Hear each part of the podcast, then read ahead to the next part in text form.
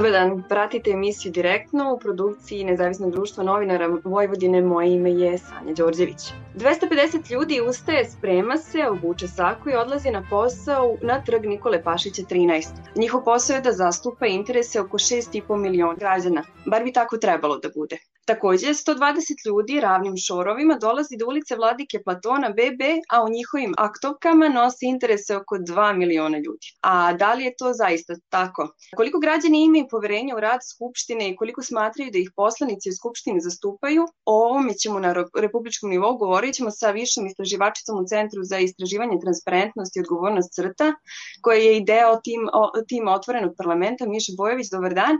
Dobar dan. I dok će na pokrajinskom nivou nivou možda priključiti novinar Denis Kolundžija. Imam nekih tehničkih smetnji za sada, ali probat ćemo to da rešimo. Mišo, hajde da krenemo onda sa republičkog nivoa. Koliko ti ljudi koji sede u skupštinskim salama zastupaju interese građana, a koliko svoje interese? Prvo želim da se zahvalim što ste me pozvali da razgovaramo na ovu temu. Mislim da je jako važno i da moramo puno da pričamo, mnogo više da pričamo ovaj, ovim, ovakvim temama. Započela bih možda sa jednom brojkom koja je onako najilustrativnije pokazuje zapravo koliko E, šta građani Srbije smatraju da, da koliko njihovi narodni poslanici zastupaju njihove interese u nacionalnom parlamentu i prema jednom istraživanju koje CRTA radi svake godine o stavovima građana Srbije o učešću u demokratskim procesima e, za prethodnu 2021. godinu čak 72% građana je smatralo da njihovi izabrani predstavnici, narodni poslanici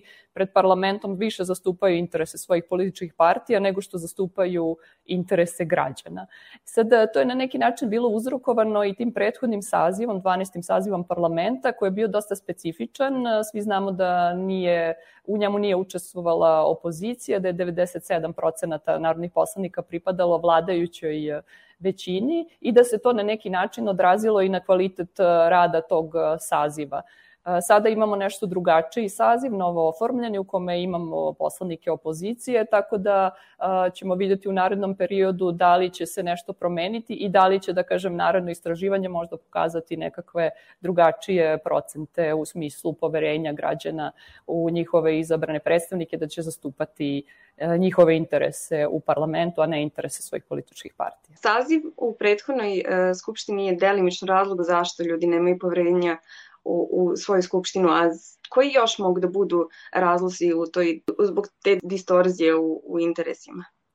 Pa mi vidimo već uh, poslednjih nekoliko godina uh, nekakav pad u tom uh, poverenju građana u, u Narodnu skupštinu i zastupanje njihovih interesa to je uzrokovano zapravo uh, i uh, tim kvalitetom rada parlamenta koji možemo videti. Kažem, to je na neki način kulminiralo sa poslednjim sazivom, ali to nije novi proces, to je nešto što se dešava već poslednjih nekoliko godina i mi imamo jedan parlament u kome se veoma redko govori uh, o temama sa dnevnog reda, veoma se redko raspravlja o zakonima, i, a mnogo više se, da kažem, koristi za parlament za napadanje političkih neistomišljenika, za napade na civilno društvo, na medije, to smo videli u prethodnom sazivu i to je nešto što, da kažemo, jako utiče na poverenje građana u tu instituciju.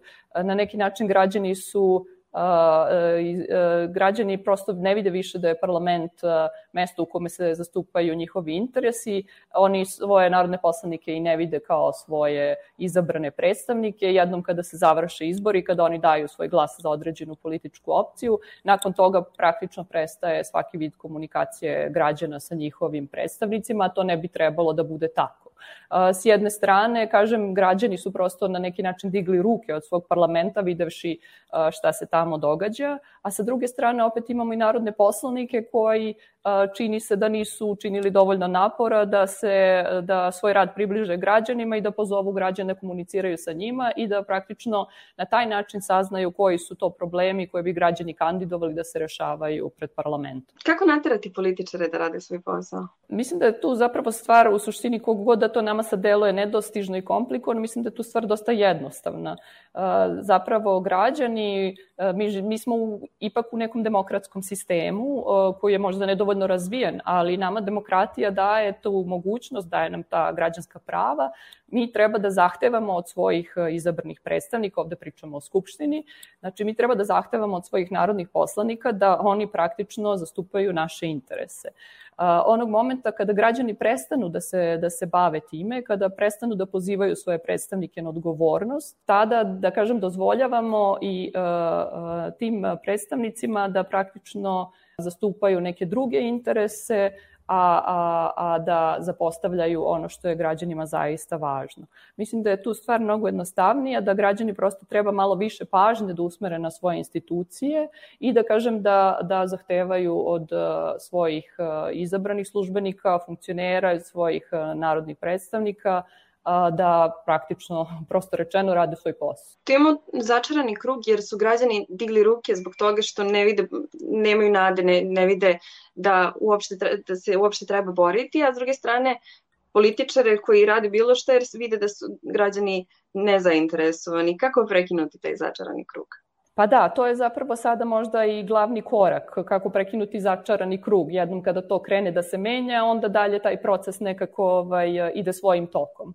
E, sada je možda najvažnije to da nekako ovaj, probamo da podignemo svest građana o tome šta bi trebalo bude njihova uloga u tom procesu, šta oni mogu da traže, šta su njihova prava, da ohrabrimo građane praktično da oni zahtevaju da se ta institucija nacionalnog parlamenta vrati svojoj osnovnoj ulozi, a to je da bude najviše predstavničko telo i da se tu donose neki zakoni koji su u interesu svih građana, da se kontroliše rad izvršne vlasti i da praktično ovaj, onda taj parlament vrši te uloge koje su njemu ustavom i dodeljene. Kako vratiti onda poverenje građana? Hajde da nastavimo ka rešenjima. Pa mislim da bi uh, na tome trebalo da radi i sama institucija parlamenta. Mislim da smo svi prepoznali da taj problem uh, postoji, da je to već evidentno u našem društvu. Svakako na tome treba da rade i, uh, da kažemo, oni akteri koji na neki način imaju više znanja i više kapaciteta da, da prosto ovaj, zainteresuju građane za, za rad parlamenta. U, u, u tu podrazumevam organizacije civilnog društva, medije i mislim da bi svi nekako zajedničkim naporima trebalo da opet ponavljam, podignemo svest građana o tome šta je uloga parlamenta, šta su njihove mogućnosti, šta mogu da zahtevaju od svojih izabranih predstavnika. Hvala. Denise, da li se sada čujemo? Ja vas čujem. Odlično. Koliko na pokrajinskom nivou ljudi u Skupštini zastupaju interese građana?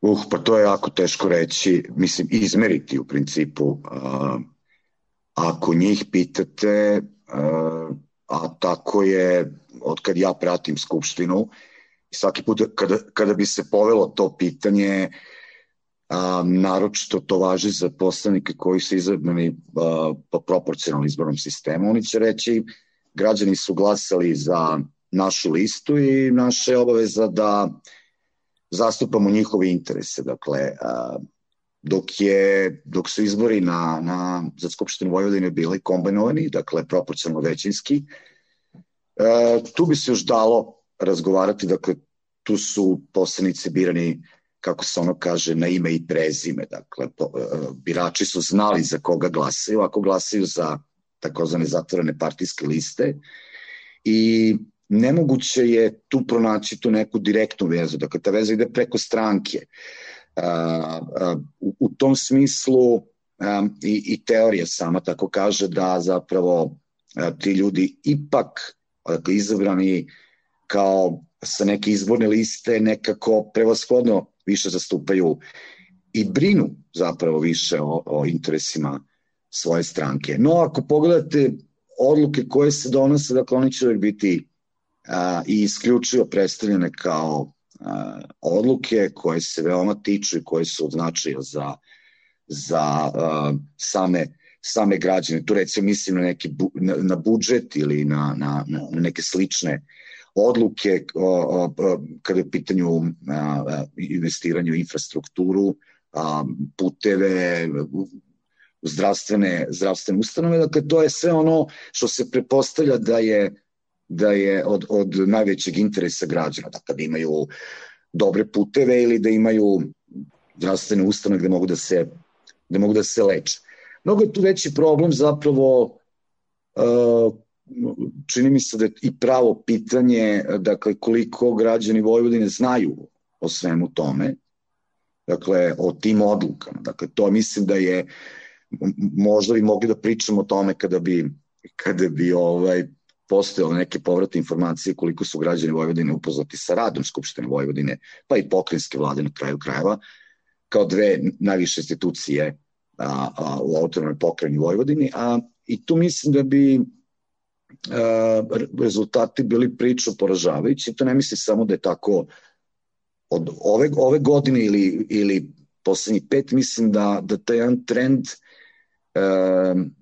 zatvaranja i e, same institucije u izrasu smislu te reči, a, ali a, i, i činjenja samih ljudi u Pokrijskoj skupštini da, da se o toj a, instituciji i onome što radi malo zna, da to traje odavno. Za jednu instituciju je, kada pričamo o njenom nekom dostojanstvu i značaju, dakle, tu možemo da, da, da nađemo nekoliko aktera A, sasvim sigurno su tu mediji bitni, ali nisu najvažniji a, u, u tom jednom lancu. Tu su, tu su takođe veoma važni a, oni ljudi koji su izabrani u u tu ili u te institucije, dakle poslanici, kakav je njihov odnos prema tome, e, e, e, zalaganje, e, kvalitet odluka, koje, koje se donose u toj instituciji tako dalje. E, ta, ta stvar je problematična pa sigurno poslednjih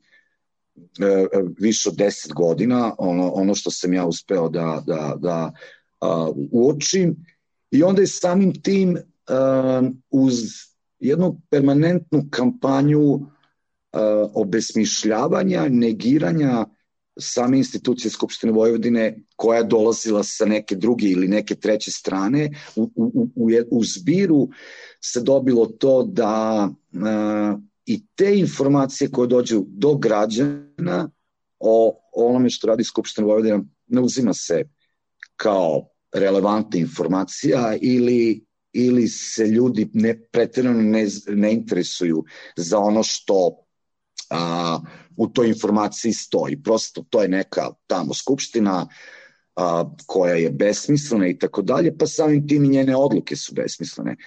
A onda sad da dođemo do, do do pitanja o, kako da li građani dakle ovaj misle da se njihovi stavovi zastupaju ono pomalo je ovaj neću kažem besmisleno ali onako iluzorno ovaj u, u tome pronalaziti bilo šta što bi, što bi odgovaralo onako stvarnosti, dakle ono, onim očekivanjima građana od, od, od svojih izabranih predstavnika. Pominjali, pominjali smo mali komunikaciju ovaj, između građana i Skupštine. Na koji način um, može da se čuje glas građana u, u Skupštinskoj sali? Mm -hmm.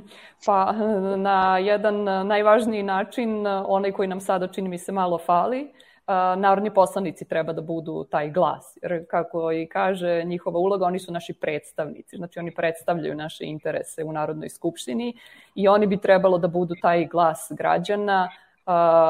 Međutim, eto, vidimo da se to ovaj, u poslednje vreme malo ta uloga, osnovna uloga poslanika odaljila od svoje prvobitne funkcije i uh, ono što bih ja možda ohrabrila građane jeste da pretpostavljam da većina misli da mora da ima nekakvo formalno znanje, znanje o procedurama i da, da su načini pristupa narodnim poslanicima isključivo putem nekakvih formalnih kanala, zahteva i slično. To ne mora nužno da bude tako. Vi ne morate da imate nikakva znanja, dovoljno je da prosto vi identifikujete nekakav problem u vašoj ili lokalnoj sredini koji ima nekakve nacionalne konsekvence ili prosto problem koji tišti veliki broj građana i da se sa tim problemom da sa tim problemom upoznate nekog od narodnih poslanika. Denis je pomenuo jednu jako važnu stvar, a to je da naš izborni sistem je takav da je u nacionalnom parlamentu svih 250 narodnih poslanika su poslanici svih građana Srbije. Znači nemamo tu regionalnu zastupljenost ili lokalnu, tako da je možda čak nekada i svrsishodnije da se obratite nekom narodnom poslaniku koji, kažem, dolazi iz određene oblasti, koji zastupa određene teme.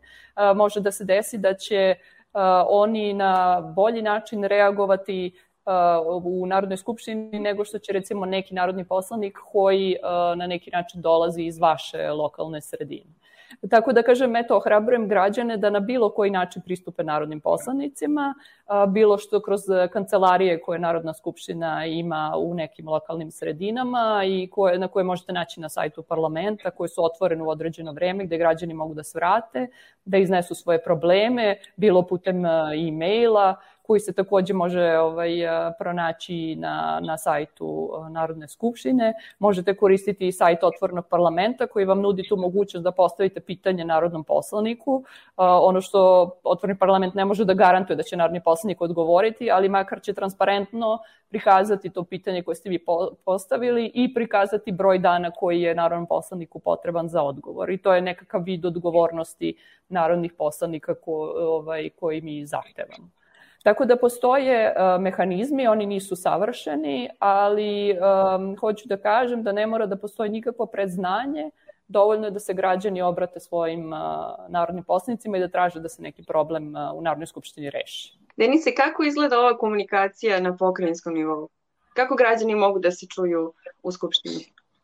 Pa dobro, ti, ti mehanizmi su uglavnom a, ili bi trebala da budu isti kao u, u Skupštini Srbije, dakle te neke procedure su ustavljene, međutim sad se ono nadovezujem na, na svoj prethodni odgovor pitanje ovde koliko su građani a, upućeni u to ili, ili koliko ih interesuje da, da, da neki problem a, konkretno se rešava u Skupštini Vojvodine. Dakle, mislim da je da, da, da je ta neka uh, hijerarhija odavno utvrđena i, i da se manje više zna gde, uh, koja je adresa za uh, rešavanje svih problema u Srbiji, ali ako gledamo institucionalno, nekako i, i sami građani su odavno počeli da percepiraju Skupštinu Srbije kao nacionalni parlament, kao neko mesto gde uh, uh, je veća šansa da ako se i uputi neka predstavka ili, ili, ili skoriste bilo šta iz, iz, iz tog, da kažem, arsenala